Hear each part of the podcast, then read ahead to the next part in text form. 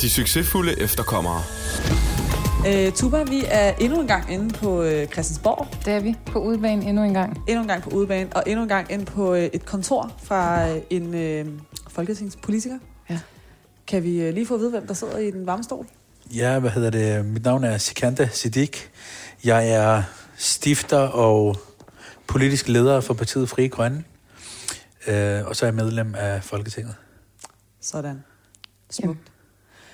Vi har jo fået at vide, at øh, du godt kan lide at tegne. Ja. What? Du er god til at tegne. What? Og du tegner tit, uden du lægger mærke til, at du tegner. Nå, okay.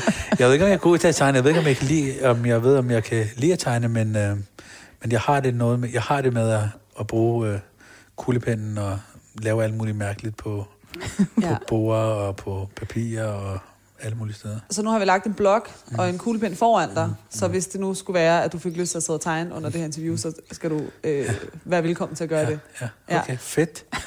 Fed Vil du tegne en tegning til os på 15 sekunder? Så kan vi, så vil vi meget gerne poste den på Instagram. Og det skal være, det skal være hvad du føler for. Ja. Okay. Vi tæller ned. Eller vi tæller op. Ej, en. du, skal ikke tæ- Skal du sidde og tælle til 15? Ja, ja. Tre. Nej, det er irriterende. Nynne. Seks. Syv. Otte. Otte sekunder. Bum. Ved du hvad? Den her figur. Du har tegnet en mand med tre øh, hår, hårstrå.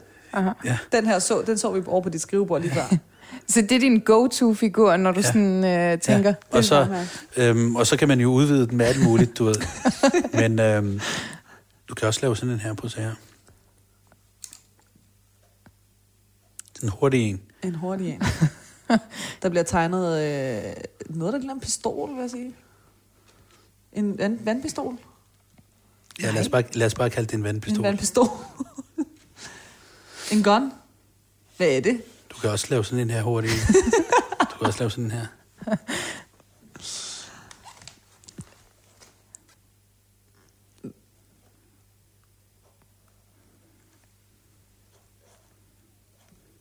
Hvad er det der? BGP, BGP?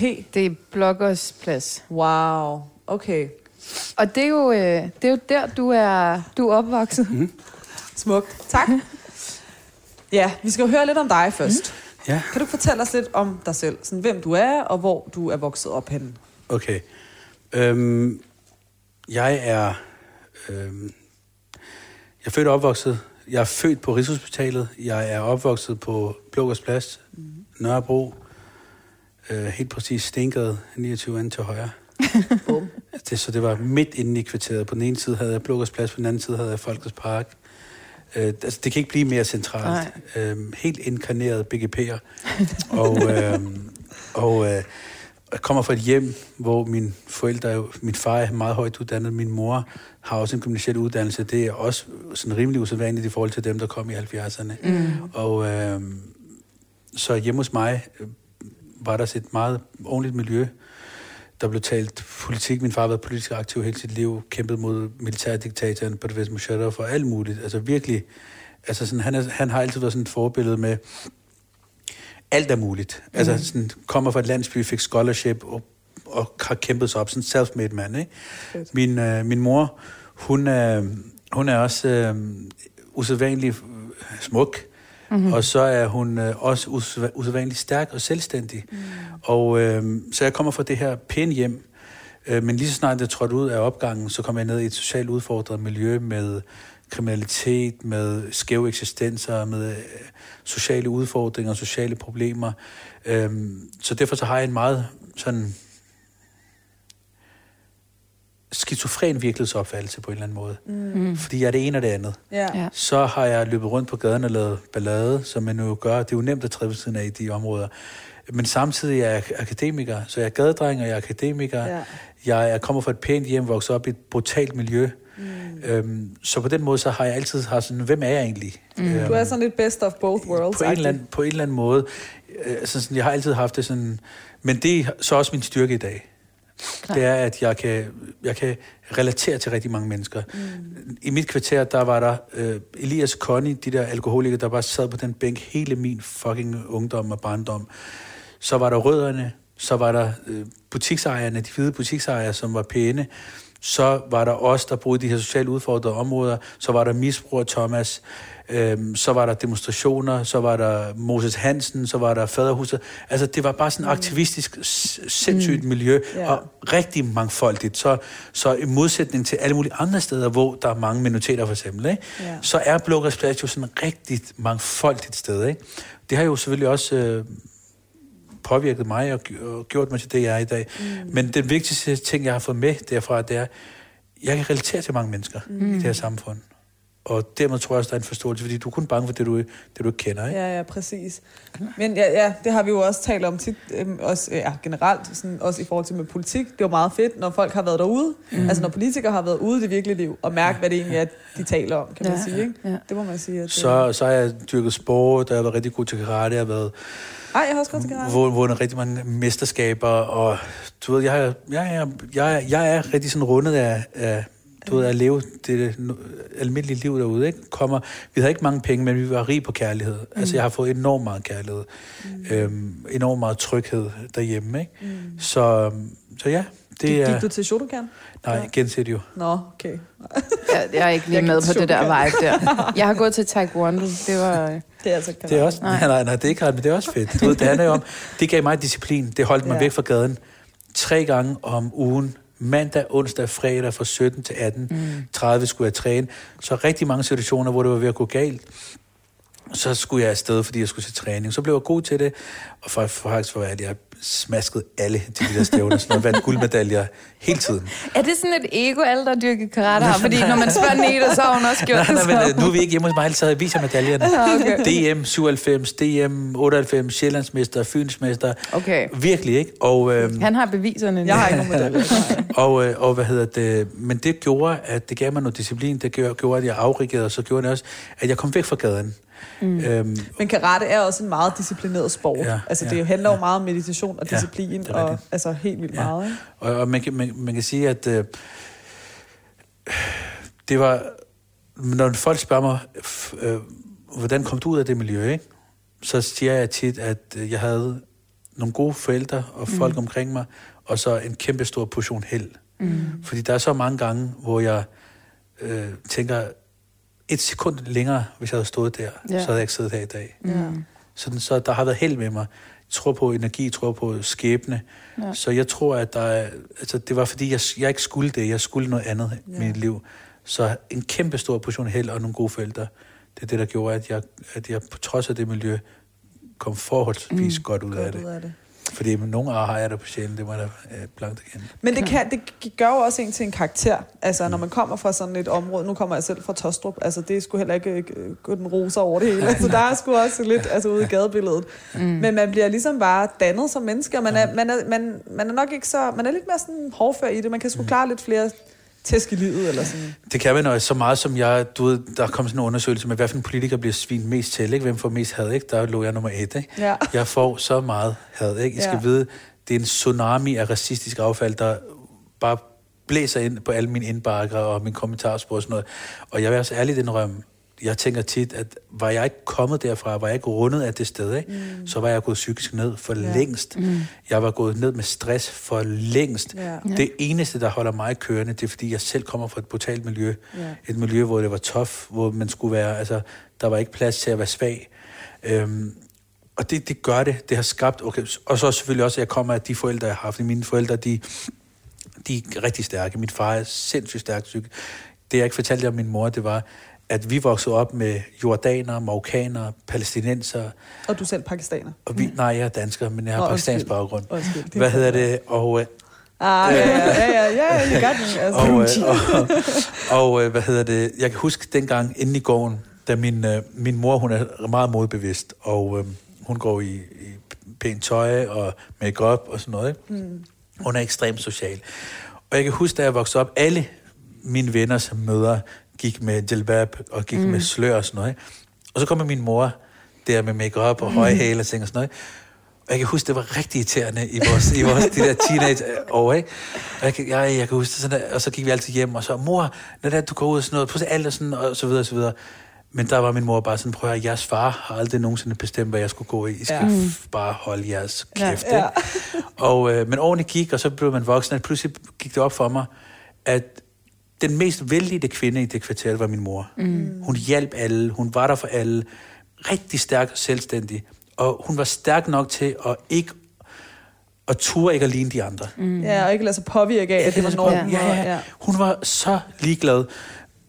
Så i dag, når jeg tænker, hvor har jeg den der, den der feministiske tilgang til tingene, og den der med kvindekampen og sådan noget, det er for min mor, har det. Mm. Fordi det, det gik op for mig mange år efter, at altså, hun skilte sig fuldstændig ud. Ja. Jeg, jeg ved ikke, om I kender Blukkersplads. Prøv at forestille dig min mor med pakistansk tøj på, Ja. høj hæl og make på, går hun gennem gården og sådan noget, og alle andre har jilbab på, alle andre, ja. jilbab det er, øh, hvordan oversætter man jilbab til dansk? Altså tildækket. Ja. Til det, ja, ja. stod.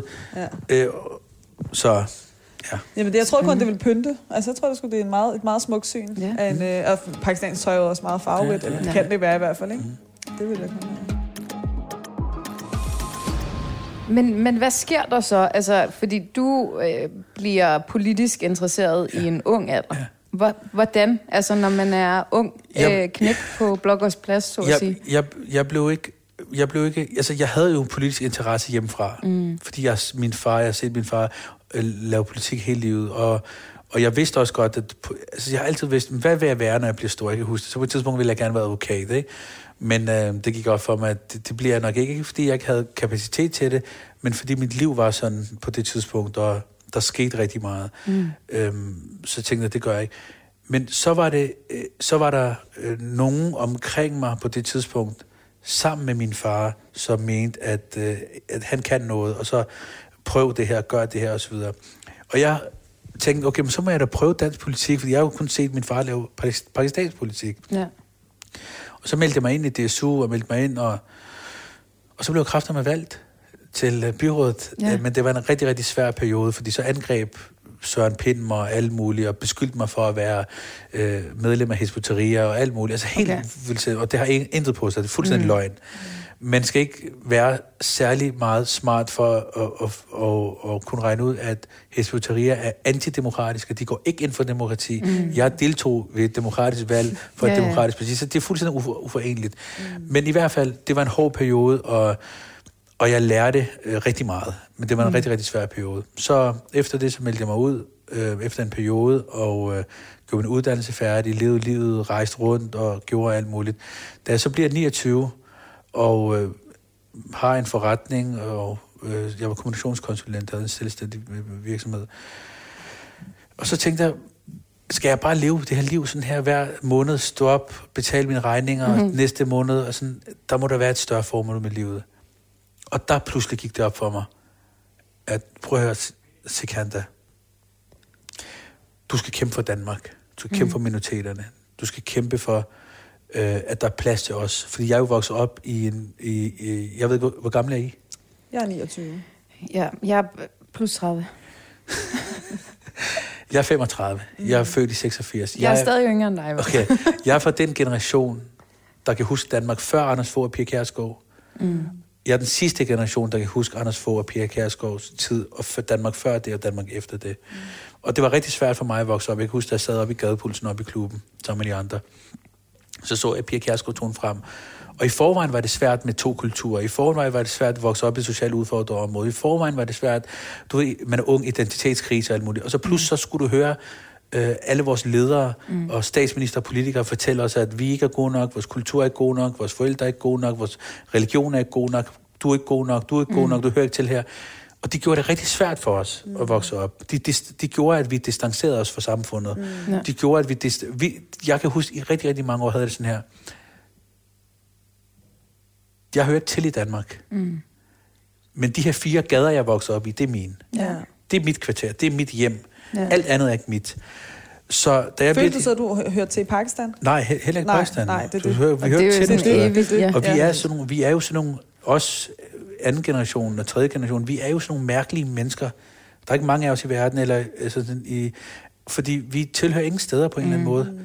altså sådan, jeg, kan, jeg bliver jo herinde, bliver jeg jo svin til af mine kollegaer, der siger, at jeg skal tage danske værdier til mig, alt muligt, du ved, jeg vil Nej. sige, det der med Inger Støjberg.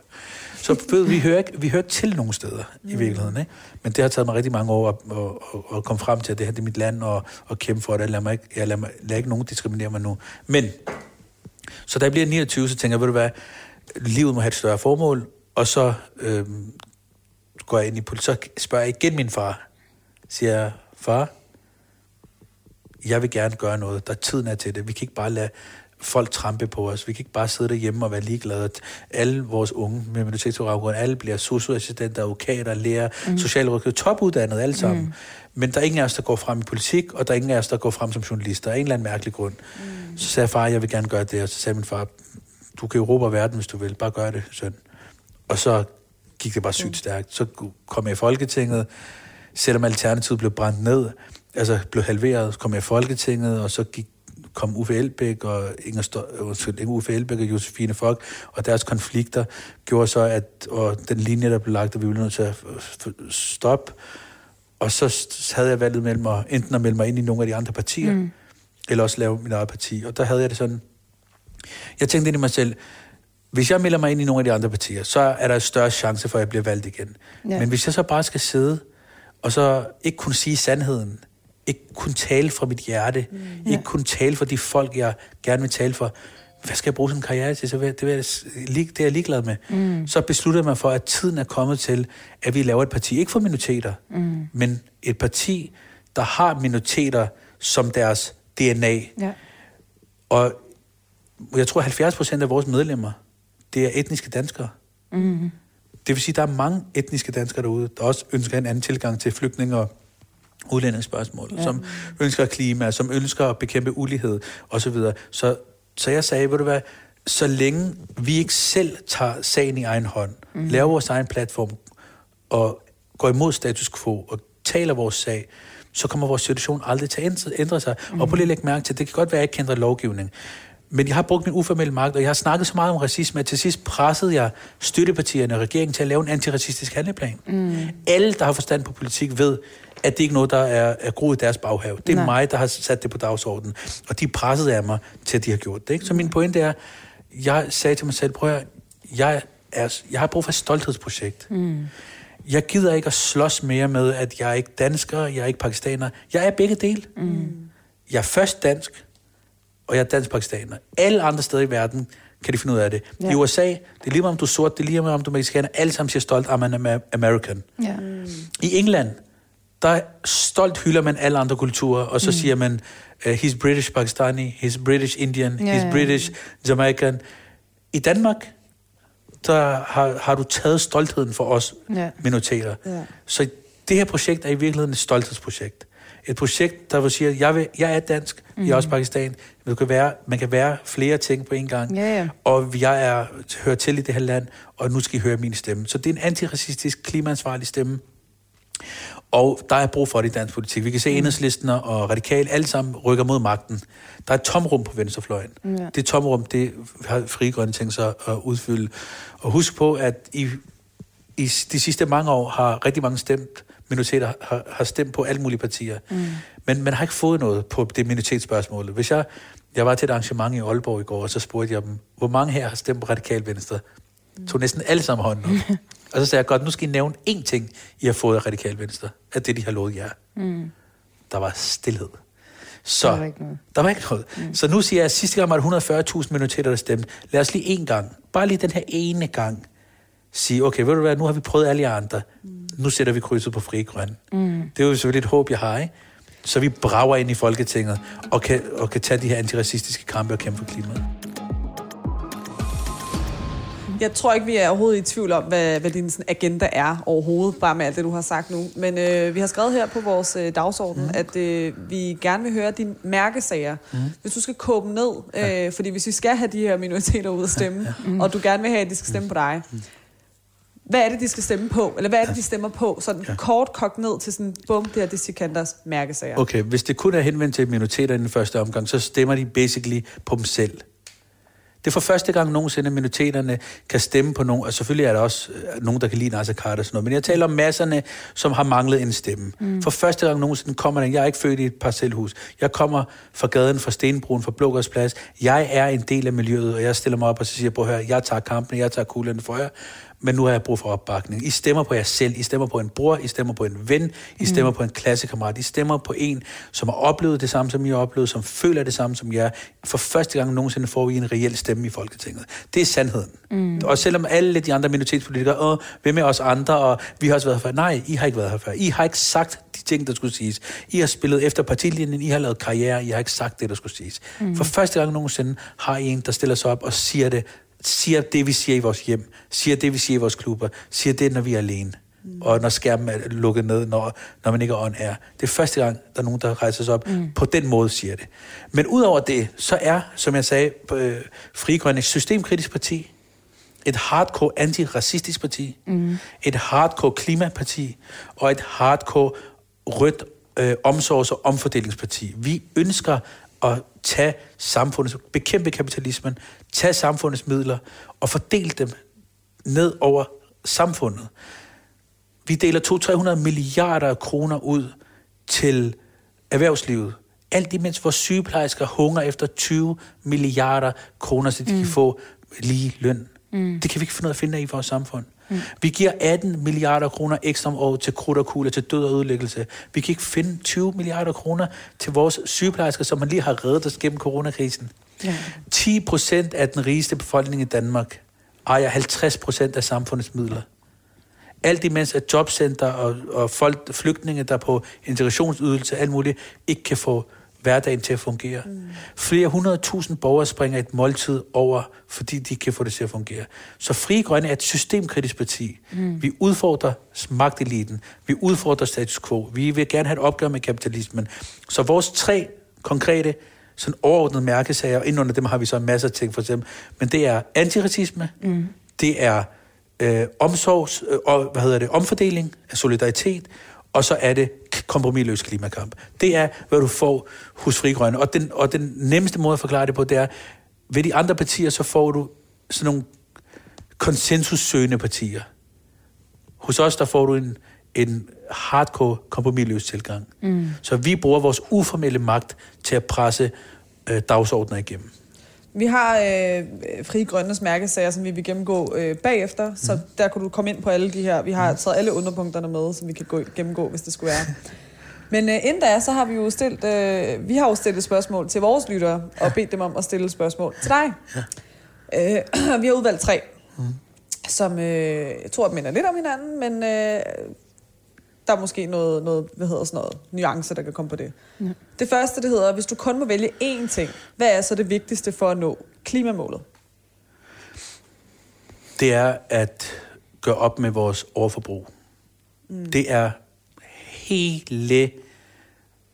Det er roden til alt ondt i forhold til klimaet. Fordi det er vores overforbrug, øh, brug og smid væk kultur, mm.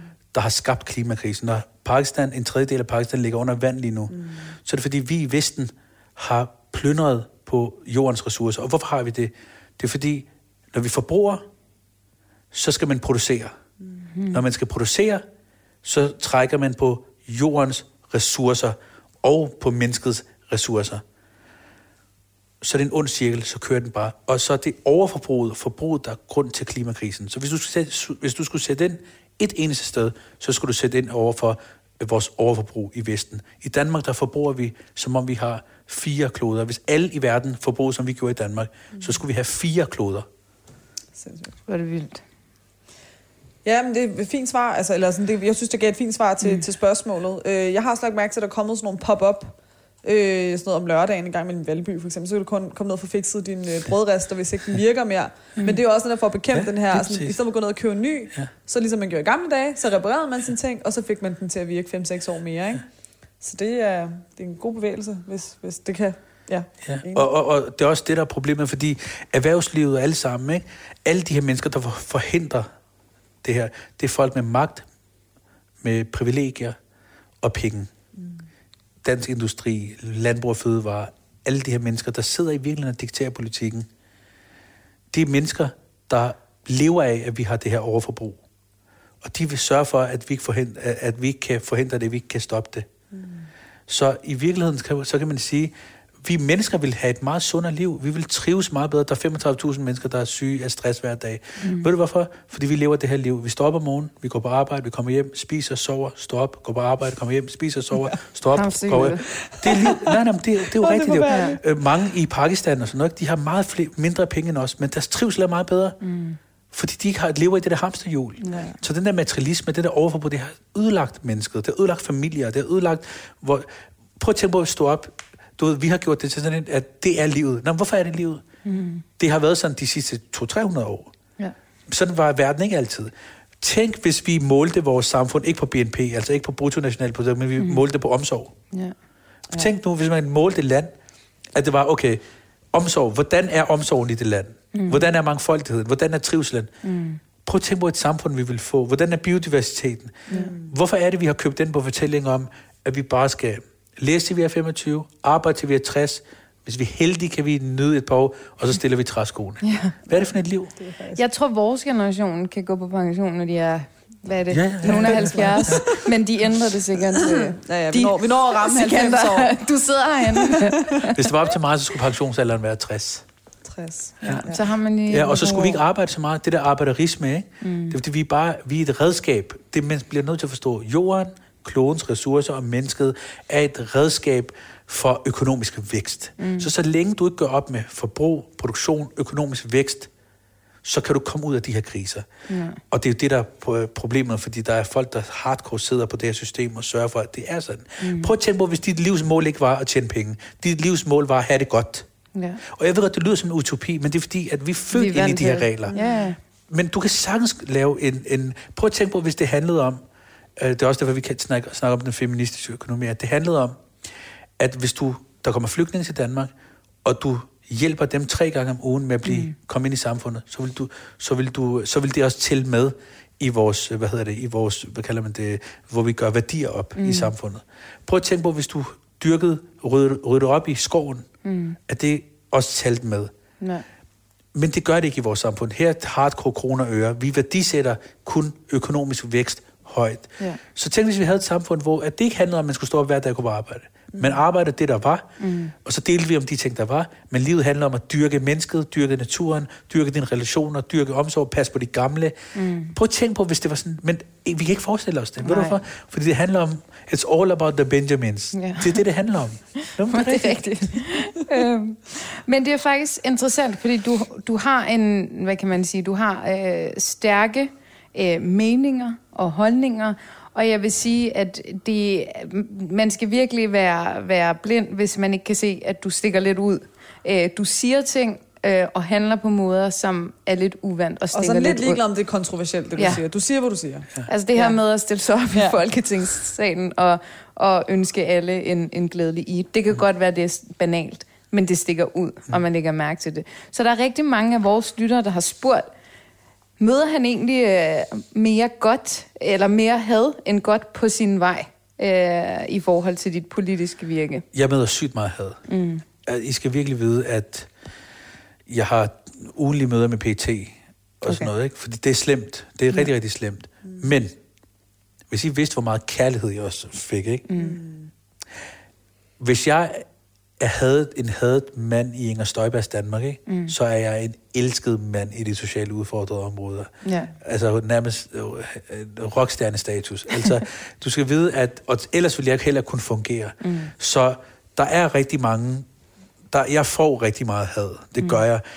Men det er også fordi, prøv at høre, i 20-25 år har du fået at vide, af alle politikere, at muslimer er farlige, minoriteter er farlige. Mm. Og det er det, Danmark har hørt.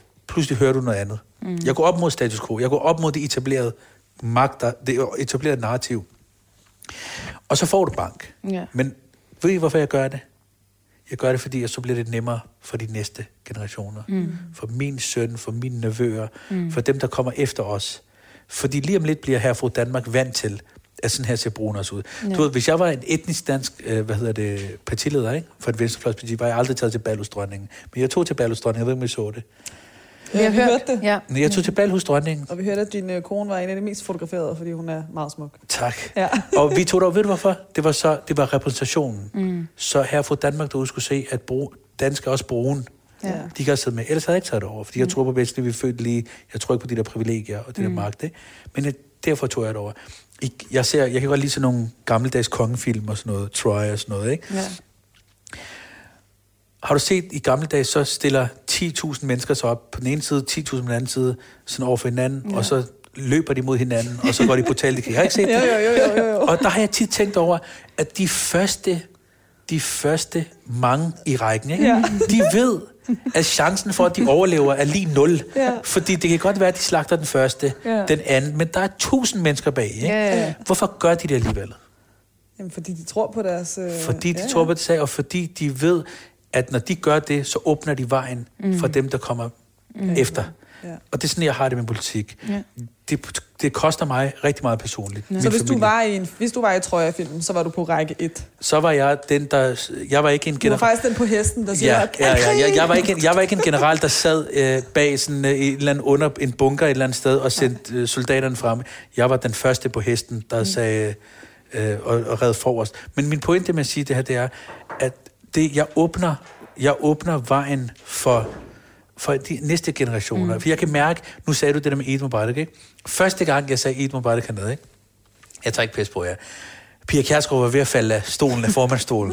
Og hun tænkte, hvad fanden, hvad er det, han siger? Og Inger Støjberg gik amok, og Mette Thiesen gik amok, og helt amok. Anden gang, jeg sagde det, så blev de mindre sure. Mm. Tredje gang, jeg sagde det, var der en, der rejste sig op øh, fra øh, af de andre medlemmer og sagde, Eid Mubarak til dig også. Ja, så du normaliserer det faktisk. Men normaliserer det. Ja. Så det er det der med repræsentation, det der med, at folk ser en. Ja. Så jeg får rigtig meget tæsk, og I skal vide, der er også dage, der er rigtig trælse, hvor man tænker, shit mand, hvorfor gør jeg det her? Ikke? Men, men hånd på hjertet, der er brug for det. Ja. Og alle jeg snakker med, jeg elsker det, du laver, Sikanda. Hvordan får du alt det had? Og jeg, jeg vil gerne, men jeg, jeg, vil ikke, jeg kan ikke holde til det had. Ikke? Men Ja. hvis vi alle sammen tænker sådan, så ændrer vi ikke situationen. Men jeg tror også, der er noget i, øh, Sikander, om man er enig i din politik eller ej, så tror jeg også, at øh, der er et mod, som du giver videre til andre. Og man behøver ikke være enig med dig, altså politisk, men mere i forhold til, okay, jeg skal måske ikke frygte, at jeg ikke har en karriere mere, eller at jeg bliver et eller andet og et eller andet, men sådan, jeg kan også godt stille mig op og sige min mening. De succesfulde efterkommere.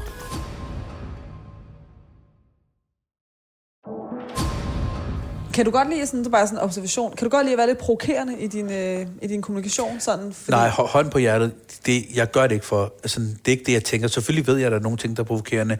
Øhm, og når man er et lille parti, så bliver man også nødt til at være øh, krasbørstig for. Mm-hmm. Ligesom, men hånd på hjertet, det, det er ikke derfor. Nej. Hvad hedder det? Når jeg taler om, at tørklædet skal være tilladt i politiet, hæren og beredskabet, som det er i England, som det er i Kanada, som det er i Sverige, som det er i Norge, så er det ikke for at provokere. Så er det seriøst for at sige, at kvinder med tørklæde, at de stormer frem på uddannelserne. Mm. Vores sammensætning i samfundet er, at der er mange borgere, der har tørklæde. Lad os dog, øh, lad, vores institutioner skal afspejle den mangfoldighed. Mm. Så siger folk, prøv at se, han provokerer. Nej, jeg provokerer mm. ikke. Jeg, jeg mener det. Jeg mener mm. seriøst.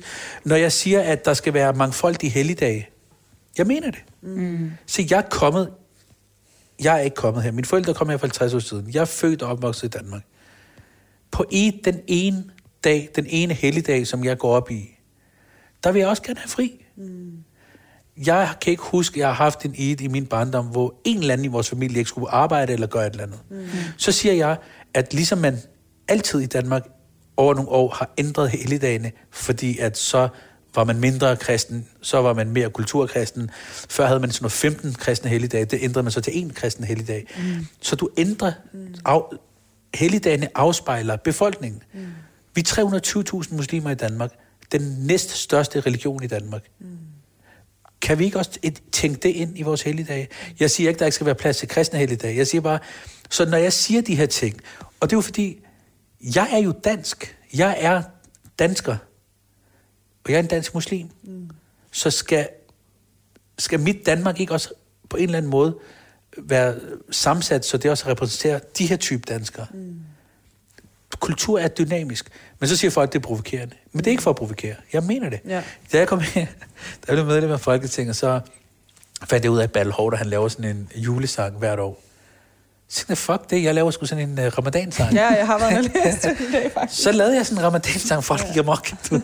Altså, Men det var da også lidt pro... Altså, var det ikke lidt sådan for at provokere? Nej, nej, nej, okay, okay, nej, nej, okay, prøv okay. at, det kan godt være, at det var lidt for provokeret. Men jeg siger bare, det er jo fordi, at jeg prøver at mangfoldiggøre det her stenalderhus, mand. Jeg prøver at mangfoldiggøre det her. Du ved, der er jo heller ikke plads til kvinder jo. Og så på et tidspunkt, så, øh, på et tidspunkt, så stod jeg i, i samtalerummet, så var jeg derinde, jeg skulle lave en eller anden, jeg skulle lave en eller anden film. Så lige pludselig så kiggede jeg rundt, så kunne jeg se, at der var 48 mænd. Altså, der var billeder op af 48 mænd, og så tænkte jeg bare, okay, wow, sygt er der ikke en eneste kvinde, der har gjort et eller andet, derfor, Ja, ja, ja, så hun ja. fortjener at komme op. Og så lavede jeg et tweet om det, og så gik folk amok, du ved ikke? Og ja, ja, det kan også godt være, selvfølgelig provokerer det også nogle gange. Men jeg siger bare, vi er så meget... Men provokation er ikke en dårlig ting. Nej, nej. Altså, det nej, rykker nej. jo noget. Men jeg siger bare, at det, det er bare for at sige, det er ikke kun provokation. Mm. Og, men vi er så meget land, vi har så meget landsbymentalitet i Danmark. Altså, vi er så meget bagud, ikke? At folk føler sig provokeret af, at jeg siger de her ting. Men det er en realitet. Vi er rigtig mange mennesker, der er anderledes i dag. Du kan være dansker ved at spise en tulippølse og drikke tuborg, og du kan også godt være dansker ved at holde øh, ramadan og mm. faste. Mm. Det er mindst lige så godt begge dele. Mm. Præmissen for snakken, det, der, det jeg tror min kamp er, det er hvor, og det er det jeg forsøger at gøre anderledes, og det er også det der provokerer, det er hvor, at i gamle dage, så var det altid sådan, den minoritetspolitiker, han skal forsvare, jeg er god nok, jeg er god nok, jeg er god nok. Og der har jeg sagt til mig selv, jeg er god nok. Mm. Så jeg forsvarer ikke mig selv. Så min kamp, hvor minoriteternes kamp altid har været defensiv, så har jeg, tror jeg, gjort den offensiv. Mm. Så det vil sige, jeg siger ikke bare, at jeg er god nok, jeg siger, at jeg vil have fri på helligdagene. Ja, ja. Jeg siger, ikke bare, jeg siger ikke bare, at hey, vores tørklæde er godt nok. Jeg siger, jeg vil gerne have, at politi- i politiet skal, skal man have ret til at bære tørklæde. Mm. Det er stolthedsprojekt for mig. Mm. Jeg, på, arabisk, på arabisk er der et ord, der hedder maskine, ikke? Sådan, sådan, hvor man lever som sådan en underdanig type Ja, stakkel. ja. Jeg er ikke nogen stakkel. Ja. Mm. Vi er ikke stakler. Vi er smukke. Jeg har taget rigtig meget på, men vi er, smukke. vi er smukke. Vi er dygtige, vi er kloge, vi er arbejdsomme, vi er lojale. Det skal Danmark se. Mm. Danmark skal se os herfra, Danmark skal se os. Vi siger, der skal være plads til alle jer andre, der skal også bare være plads til os. Mm. Det er det, min kamp er. Mm. Og det provokerer, fordi at det, jeg tror, at det på, i hvert fald i, i en tydelig grad er første gang, at der er nogen, der stiller sig op og siger det. Når jeg stiller mig op på talerstolen og holder et minut stillhed for George Floyd, så er det fordi, der er tusinder, tusinder, tusinder af mennesker, sorte borgere, der har mistet livet mm. i politibrutalitet og racisme. Kan vi ikke ære dem? Ja. Hvorfor er det så provokerende, at jeg stiller mig op og bruger min øh, taletid mm. på at holde et minut stillhed for George Floyd og alle de andre borgere, der har mistet livet i racismens navn? Hvorfor? Ja. Hvorfor kan jeg ikke det? Ja. Det, så, så, ja. så man kan kalde det en provokation, men i virkeligheden er det det ikke. Vi har fået et, øh, endnu, eller vi har taget endnu et spørgsmål med til dig, som minder lidt om, lidt om det første spørgsmål, vi stillede dig. Øhm, men hvordan vil du cementere din grønne agenda og få mest mulig indflydelse? Det der øh, spørgsmål er baseret på sådan Christiansborg-præmis om, at indflydelse, indflydelse er sådan noget, man får ved, ved forhandlingsbordet. Mm. Jeg gav et eksempel før, at jeg har i to et halvt år talt om racisme. Det er sådan en fyrord. Folk vil bare ikke høre det. Og jeg har talt om det igen og igen og igen og igen. Jeg har et videoklip, hvor jeg står nede på Folketingets tale, tale eller nede i Folketinget og siger til Mette Frederiksen, Mette, du har lavet en handleplan mod antisemitisme med rette, den skulle laves. Vil du ikke også lave en antiracistisk handleplan? Fordi der er også andre minoriteter, der går ud over. Og så siger hun, jeg er så træt af handleplaner. Det der klip har jeg, jeg kommer til at spille det under valgkamp. Okay. Og så går der noget tid, så presser støttepartierne og hende, de finder ud af, prøv her, der foregår så meget derude, og Sikanda, han har jo løftet den racisme ind her. Mm. Hver gang der var en kvinde, der fik revet tørklæder af, så stod jeg dernede og sagde, hey, hver gang der var etnisk profilering i politiet, så stod jeg dernede. Mm. Jeg pressede så meget, at til sidst kunne de ikke komme udenom. Så de har, nu har de så vedtaget, at de vil lave en antiracistisk handleplan. Det er sat 8 millioner af, det er til grin. Det er bare for at lukke munden på mig, og lukke munden på alle, så sige, jamen se, vi har gjort noget for racismen. Mm. Så min pointe er, det er min uformelle magt. Jeg har ikke siddet på noget forhandlingsbord, jeg er ikke med i nogen regering, men jeg pressede så voldsomt på, at det endte med, at der kom en antiracistisk handleplan. Og det er det, du også vil gøre med det i forhold til din grønne ja, agenda? eksempelvis. Ja. Ja. Fordi øh, eksempelvis, at øh, vi har ved, i det her, det her år har vi to gange fremsat forslag om klimalov 2.0. Det vil sige en klimalov, der medregner alle vores udledninger. Det gør den her klimalov ikke. Mm. Radikal Venstre har stemt imod. Nu, her under valgkampen, har de selv meldt ud, at de ønsker en ny, de ønsker en ny klimalov, hvor det er, at alle udlændingerne bliver regnet med. Mm. Så jeg siger bare, at jeg har ikke siddet derinde og vedtaget noget, men jeg presser på politisk agenda, fordi ja. Støttepartierne bliver presset af mig. Ja. Fordi ellers så tænker de, at vi mister stemmer til Tikanda. Mm. Alle de der minoriteter, der før i tiden, de bare kunne bruge som stemmekvæg. For mm. det er jo sandheden. Jeg vil næsten våge den påstand, jeg vil, I spørger sige det, en af jer to har stemt radikal venstre, og, eller har stemt enhedslisten ved en af de sidste par valg. Jeg vil næsten våge den påstand. Jamen, det er rigtigt. Ja. Altså ikke dig, men, men for mig. Så min pointe er, min pointe er, at vi er bare blevet brugt som stemmekvæg. Det er sandheden. Nu, lige pludselig, så tænker de, okay, nu har minoriteterne en, et alternativ. Mm. Så nu begynder de igen at tænke over det og gøre og så videre, og hvordan og så, og så videre. De taler altid om at boykotte Israel. Jeg fremsatte en resolution ned i sagen, en vedtagelsestekst, og sagde, kom, stem, lad os uh, boykotte Israel. Der var ikke nogen af de partier, der stemte for. Mm. Så jeg afslører også deres status quo bluff. Ja. Ikke? Fordi på Facebook, ligesom nu, nu kører de den der kampagne, enhedslisten kører den der kampagne med, stem for dem, der ikke har en stemme.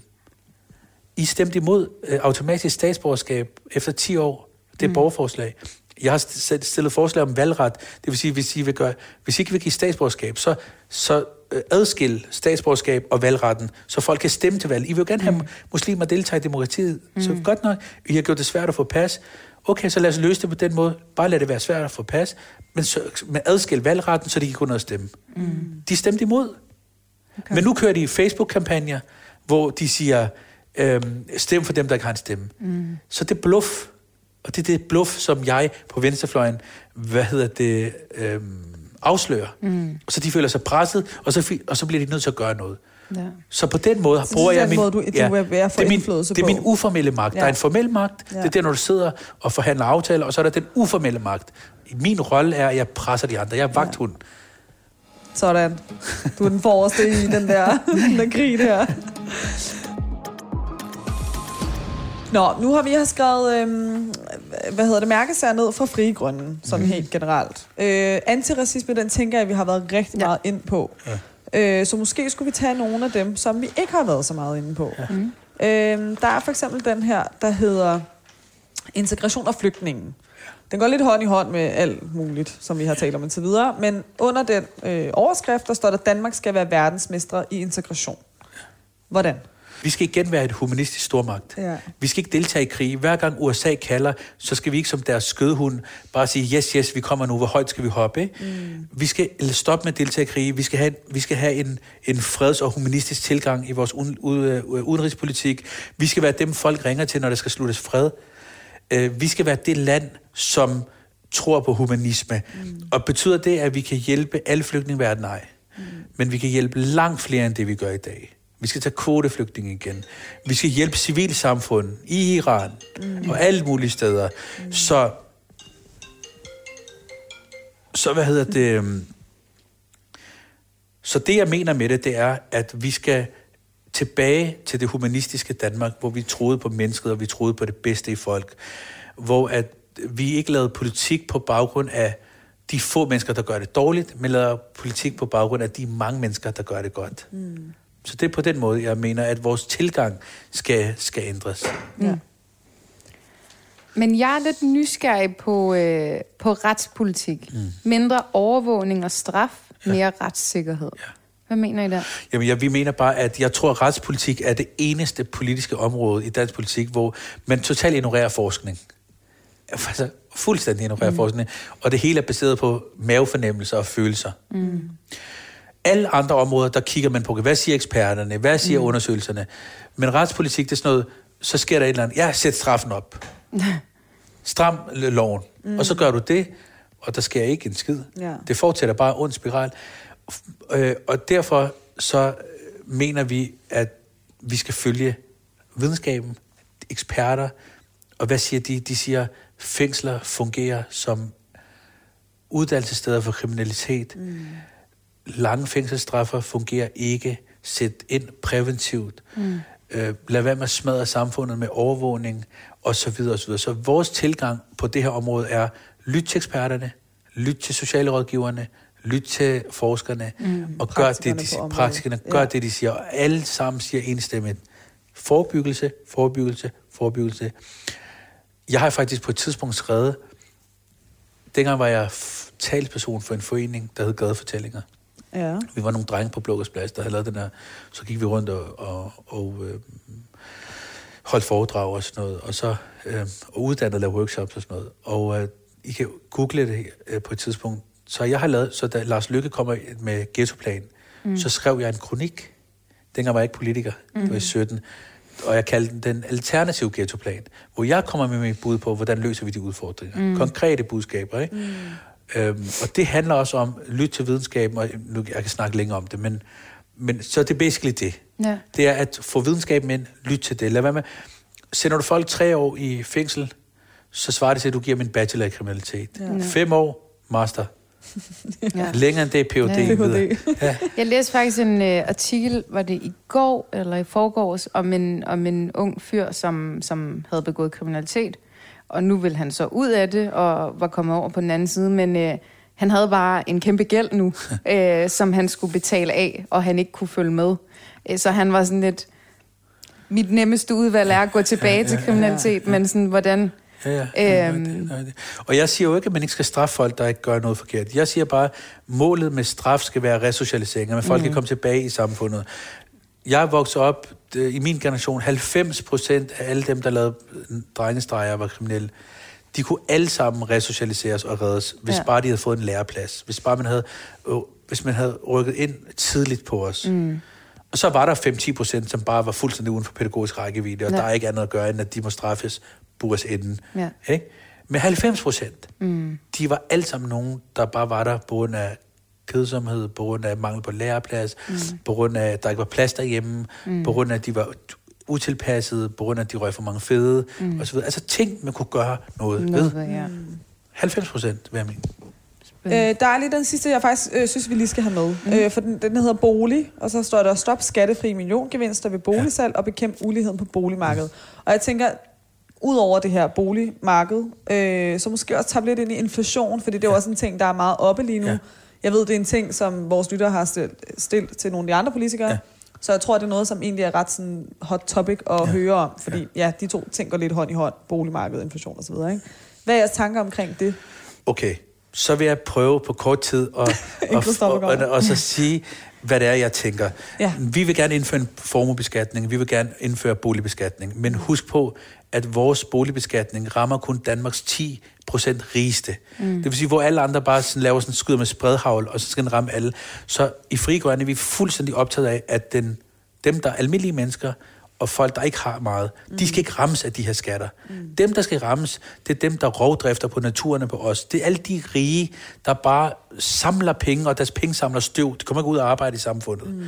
Så når vores boligbeskatning, vi vil boligbeskatte på gevinster, men det er de 10 procent rigeste, vi vil ramme mm. med de boligbeskatninger. Formuebeskatningen skal være de 10 procent undskyld nu, hvad jeg kluder i det. I formuebeskatning skal være de 10 procent rigeste, de rammer. Så det er ikke mig og dig. Mm.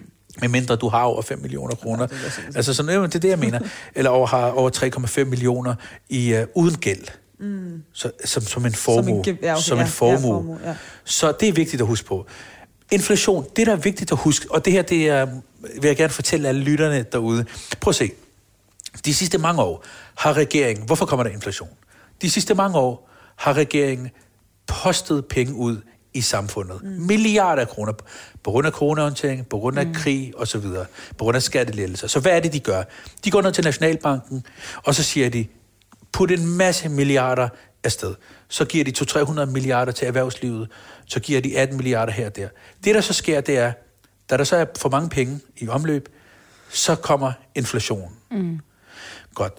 Så når inflation kommer, så skal de her penge, for at, gøre, for at, ligesom at, at dæmpe inflationen, så bliver man nødt til at trække de her penge ud et eller andet sted i samfundet. Mm.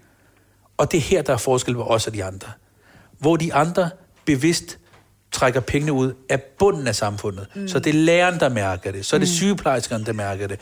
Så er det jobcenter, der mærker det. Så er det kontanthjælpsmodtagerne, der mærker det. Så siger vi i Frie Grønne, lad os bekæmpe inflation, træk pengene ud af toppen af samfundet. Mm. Indfør en formuebeskatning. Mm. Indfør en boligbeskatning. Indfør en millionærafgift. Indfør en arveafgift. Lad os ramme dem, der har allermest. og lade dem, der har mindst, gå fri. Mm. Så frie grønnes take på det her, og hele den debat, der er, for eksempel om elafgifterne. I Fri Grønne, der har vi helt klart, helt tydeligt. Vi ønsker ikke, at det skal ramme almindelige mennesker.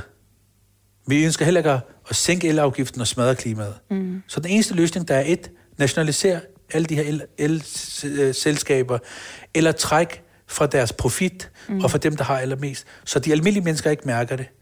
Og, og hvad hedder det? Eller må staten øh, tage tabet. Mm. Så min pointe med at sige det her, det er, vi er vant til, at det er altid sygeplejerskerne, der skal betale, når det går galt. Det er altid lægen, der skal betale. Det er socioassistenten, det er jordmoren, det er politibetjenten. Der siger vi i Frigrønne, tiden er til, at vi trækker penge ud af toppen af samfundet. Og vi har en helt plan for det, mm. som I også kan læse om. Så sådan, det var sådan, øh, hvis jeg hurtigt skulle fortælle om vores, eller, ja, ja, ja, vores take, ja. det er det, at ja, der er inflation, det skal vi ikke være bange for, vi skal bare trække penge ud af toppen af samfundet. Spændende. Bum. Aller sidste spørgsmål. Sorry, Kevin. øhm, og du må kun svare en ting. Kun én ting. Hvis vi sagde til dig, du kan lave noget om politisk lige nu og her, hvad vil den ene ting være? Den er rigtig svær, og så vil det være totalt nem. Så vil jeg afskaffe vores økonomiske system og indføre et nyt system, der, der, der var bæredygtigt, både for mennesker og for natur. Så vil du løse alle problemer på en gang. Bum. Det var sgu kort og kontant ja, svar, vi har det, fået. Ja. det må man sige. Sikander, øh, tusind tak. Øh, er, der, er der noget sidste, du vil have med, inden vi slukker mikrofonerne til lytterne derude, øh, som du synes, vi ikke har været omkring? Så har du chancen. Jeg synes, vi har fået, jeg synes, vi har fået nogle, en, en god snak. Mm. Jeg synes, vi har... Ja, det ved jeg ikke, vi har også fået tegnet og sådan noget. vi har tegnet lidt, ja. Og, øh, jo, men jeg synes, det var godt. Jeg håber, at lytterne har kunne lide det. Og, og, hvad hedder det? og så må lytterne jo gerne tage fat i os, skrive til os, hvis man vil være med i revolution. Hvis man vil være med. Ja. Og man behøver ikke at stille sig i front, og du ja. ved, som de første, der bare løber. du, kan, du, kan, du kan også være nogle af dem, der står allerbærst. Men det handler om, det er vores revolution. Ja. Det er vores tid. Også hvis I kigger på vores parti, så har vi meget unge mennesker. Mm. Ja. Altså, der var en, der sagde til mig, at det ligner jo kræfter med sådan en uh, ungdomsklub. altså, altså, fordi det er vores tid, det er vores ja. kamp. Ja. Du ved, det, vi har forsøgt at skabe en platform, hvor vi unge mennesker, og forholdsvis unge mennesker, mm. vi kan, hvad hedder det, blive politisk aktive på. Behøver ikke være enige, behøver ikke være medlem. Kom til vores aktiviteter, vær med man bliver klog, man får fællesskaber, man får mm. venner, man får bekendte. Det er bare mega fedt. Frie Grønne, det er da et fedt sted. Bum. Det var tak. så det sidste ord fra Sikander. Tak for i dag.